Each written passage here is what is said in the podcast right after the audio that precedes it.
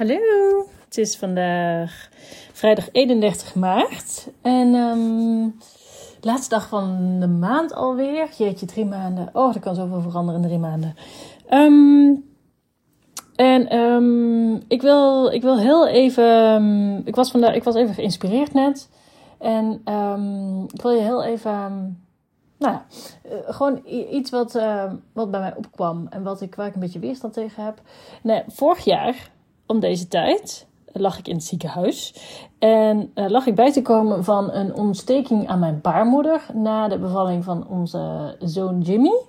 Die, is, um, die was afgelopen zaterdag was die jarig. En um, Oh nee, toen was ik dus al uit het ziekenhuis rond deze tijd. Nee, dacht ik in. Nou, weet ik veel.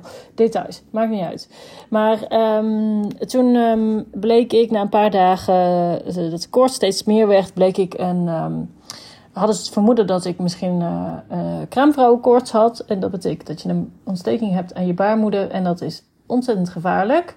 Want um, dat komt door een bacterie die door heel je lijf uh, helemaal ziek maakt en uiteindelijk overlijd je daaraan. Dat was vroeger dus echt een enorm probleem. Want toen bestond natuurlijk geen antibiotica en daar gingen dus vrouwen ja, heel regelmatig aan dood. Ook omdat de hygiëne natuurlijk toch vroeger niet zo goed was. Gelukkig uh, viel het bij mij in die zin mee, want nou ja, hoe het ging is dat ik op uh, dag drie had ik echt uh, wel koorts. En um, zij ook onze uh, kraam, um, onze kraamverzorgende, hoe zeg je dat? Kraamvrouw? Nee? Nee, kraamhulp, die zocht ik. Die zei ook van, uh, ja, nee, dit, dit vertrouw ik niet helemaal bij de dokter. Maar de dokter wou toch al langskomen. Dat doet hij als er een nieuw kindje is geboren. En um, uh, ja, we hebben op zich wel een goede band met onze dokter, al zien we hem nooit. Dus die dokter de dokter kwam langs, de huisarts, en die, uh, die zei van, uh, ik vertrouw het niet en we gaan nu naar het ziekenhuis. En dus ik kon gelijk terecht, want als er zo'n situatie is, dan geven ze die voorrang. Dus ik die avond naar het ziekenhuis. En toen hebben ze gelijk een aantal testen gedaan. Jimmy natuurlijk mee, Alex over de rooien, want die snapte het allemaal niet. Jimmy die was natuurlijk mee. En um, toen, nou ja, toen trokken ze een aantal conclusies. Of toen hebben ze de eerste uh, bloedtests um, hebben ze eigenlijk, die, die wachten ze dan niet eens af. Want uh, het risico is gewoon te groot. Want het was ook, je moet je ook even voorstellen dat waarschijnlijk als ik, als ik die avond niet naar het ziekenhuis was geweest, was ik waarschijnlijk s'nachts, hadden ze een ambulance moeten bellen en was ik waarschijnlijk buiten bewustzijn in het ziekenhuis terechtgekomen. Dus zo, snel gaat dat dan. Uh, dat was gelukkig allemaal niet aan de hand. En ik werd gewoon gelijk aan een infuus gelegd met antibiotica. Gewoon alle antibiotica die ze hebben. Pompen ze daar je lijf in. Om maar te zorgen dat, uh, dat die bacterie of wat dan ook aan de hand is, dat die gepakt wordt. En dat had ook echt heel snel effect. Um, dus ik begon me al vrij snel beter te voelen. Um, maar ja, dat was natuurlijk even een. Uh, onze rol, we donderden even van onze roze wolken af. Want. Um, die nacht ben, ben ik dus gelijk in het ziekenhuis gebleven met Jimmy en Alex. Of uh, Philip is teruggegaan naar huis, naar Alex, want die, die kwam ook niet in slaap. Oma was bij, uh, bij Alex en uh, die kwam ook niet in slaap. En die, dus Philip is naar huis gegaan. En toen ben ik uiteindelijk 2,5 dag in het ziekenhuis geweest, waarbij ik me al vrij snel beter voelde. Um, en ik, in die zin, ja, ik knapte eigenlijk heel snel op. En nou ja, in het ziekenhuis zijn ze ontzettend lief. En hoef je alleen maar te bellen om, om je baby. Uh, uh, omdat ze dan even een luiertje verschonen en even komen helpen. En uh, ze hebben ontzettend goede service qua uh, eten. Dus nou ja, eerlijk gezegd was het, ja, het was echt een hele relaxte ervaring in die zin. al was het natuurlijk absoluut niet wat we wilden. Maar nou, het, was, het viel uiteindelijk allemaal best wel mee. Wat, waarom ik dit hele verhaal nou vertel, is dat ik um, later had ik een, uh, een nijconsult. Um, als je mijn eerdere podcast hebt gehoord, dan weet je dat ik binnenkort ook start zelf met een nijopleiding. En ik had een nijconsult omdat ik een hele zware menstruatie had. En dat had ik nooit. En dat zat me in de weg. Ik kon gewoon niet uh, de deur uit de eerste dag, eerste twee dagen van mijn menstruatie. Dus dat, um, toen uh, ben ik uh, uiteindelijk heb ik een nijconsult gehad en daarmee is dat ook echt opgelost. En um, dus daar ben ik heel blij mee. En toen um, was ik bij uh, Lena voor dat consult en toen gaf ze mij ook een boek. En dat was een uitleg van een, heel, een heel dik boek. En dat was, ehm, even kijken. Wat is het nou? 1300 ziekten en andere verschijnselen um, worden daarin uitgelegd. En dan de um, psychologische kernoorsprong en kernoplossing van die ziekten en uh, verschijnselen. En uh, lichamelijke verschijnselen.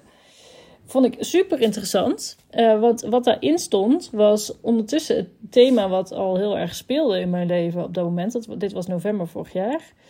Um, en um, daar stond echt een uitleg in van sepsis. Dat is dus de, de, hoe je dat noemt. Een abnormale aanwezigheid van bacteriën in het bloed.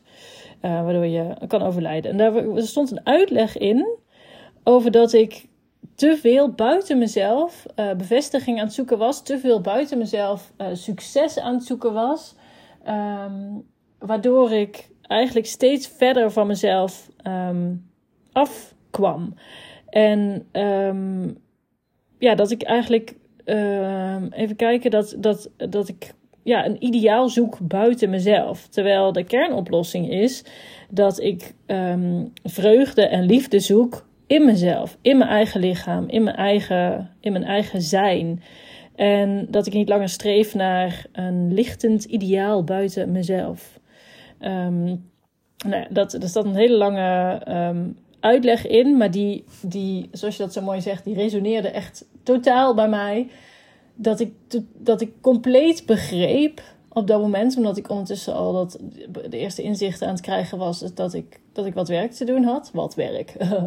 um, dus ik begreep, ik begreep meteen dat dit, uh, ja, dit, dit klopte gewoon met hoe ik, um, ja, hoe, hoe mijn leven er op dat moment uitzag. Um, toen, ik, toen ik beviel. Ondanks dat ik ja, prima um, gelukkig was, ervaarde ik niet de liefde voor mezelf zoals ik die nu ervaar. Dus nu kan ik pas zien hoe groot het verschil is. Al was het toen, leek er echt niet zoveel aan de hand te zijn en was ik hartstikke uh, prima gelukkig. Um, meestal zie je natuurlijk pas achteraf wat het, nou ja, wat het verschil is. Hm.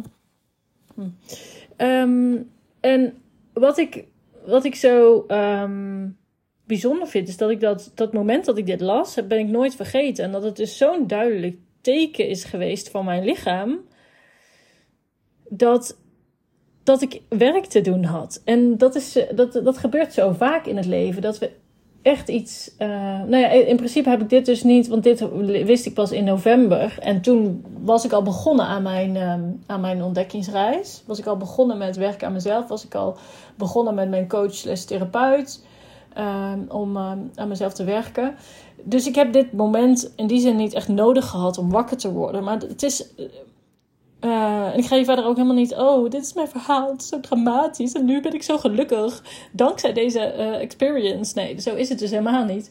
Um, maar het is zo vaak nodig. Het is voor zoveel mensen, inclusief een stukje, inclusief toch een beetje mezelf, dat we eerst een een hele vervelende ervaring hebben en dat we dan wakker geschud worden. En dat is echt zo jammer. Want eh, hoe vaak is het niet zo dat iemand pas eh, bij een burn-out um, beseft dat hij, dat hij of zij zijn of haar leven moet omgooien. Of dat er echt iets te veranderen is. Of dat je eerst moet flauwvallen en je hoofd keihard moet stoten um, tegen een stoeprand en uh, buiten bewustzijn moet raken. Om te denken van, oh, um, ik, heb hier, ik heb iets te doen. Want ik, uh, ik, ik, loop mezelf gewoon heel erg eh, voorbij en daarom uh, viel ik flauw.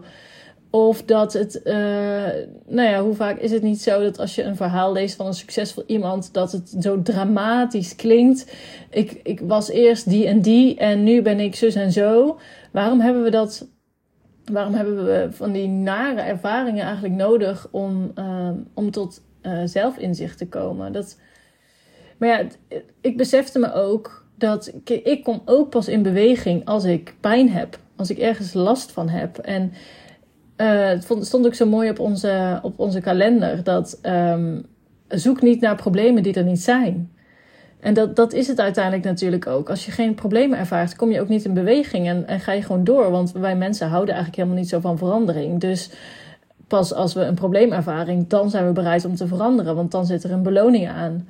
Maar hoe vaak is het ook niet zo? Ik zag net namelijk nog een post op Instagram dat, uh, dat je eigenlijk altijd dankbaar bent voor, voor zo'n ervaring. Dat je dankbaar bent uiteindelijk voor je burn-out. Dat je dankbaar bent voor een, een, een ziekte die je krijgt. Ondanks dat, je, dat het natuurlijk één grote bak ellende is als je echt serieus ernstig ziek wordt. Um, zo jammer eigenlijk dat we dat nodig hebben. Maar ik denk dat pijn de enige manier is waardoor wij mensen in beweging komen. Want als er nu pijn is, dan is het dus uiteindelijk is er een beloning als de pijn weg is.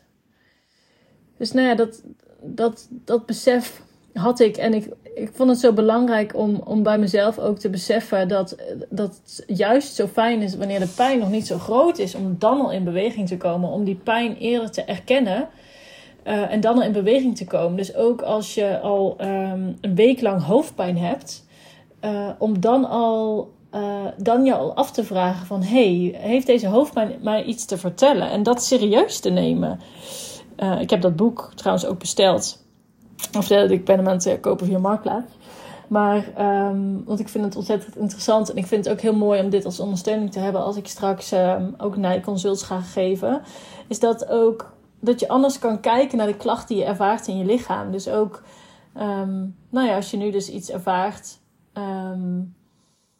ja, dat het zo mooi is om daar even wat serieuzer naar te kijken. En um, nou ja, als je ook nieuwsgierig bent wat het, um, wat het betekent. Ik heb dit boek binnenkort. Dus als je een, uh, nu een lichamelijke klacht hebt en je bent benieuwd wat, je, uh, wat die klacht je te vertellen heeft. Dus meer ja, energetisch gezien of wat zei ik net? meer uh, de psychologische kernoorzaak van jouw klacht dan um, stuur me een berichtje en dan zoek ik het voor je op. Lijkt me super leuk. Ik vind het namelijk ontzettend interessant. Dus um, stuur me je klacht gewoon in, uh, via een berichtje op Instagram. Um, dagboek van Roos kan je me vinden op Instagram. En dat mag je gewoon in een privéberichtje sturen. En ik ga daar natuurlijk vertrouwelijk mee om.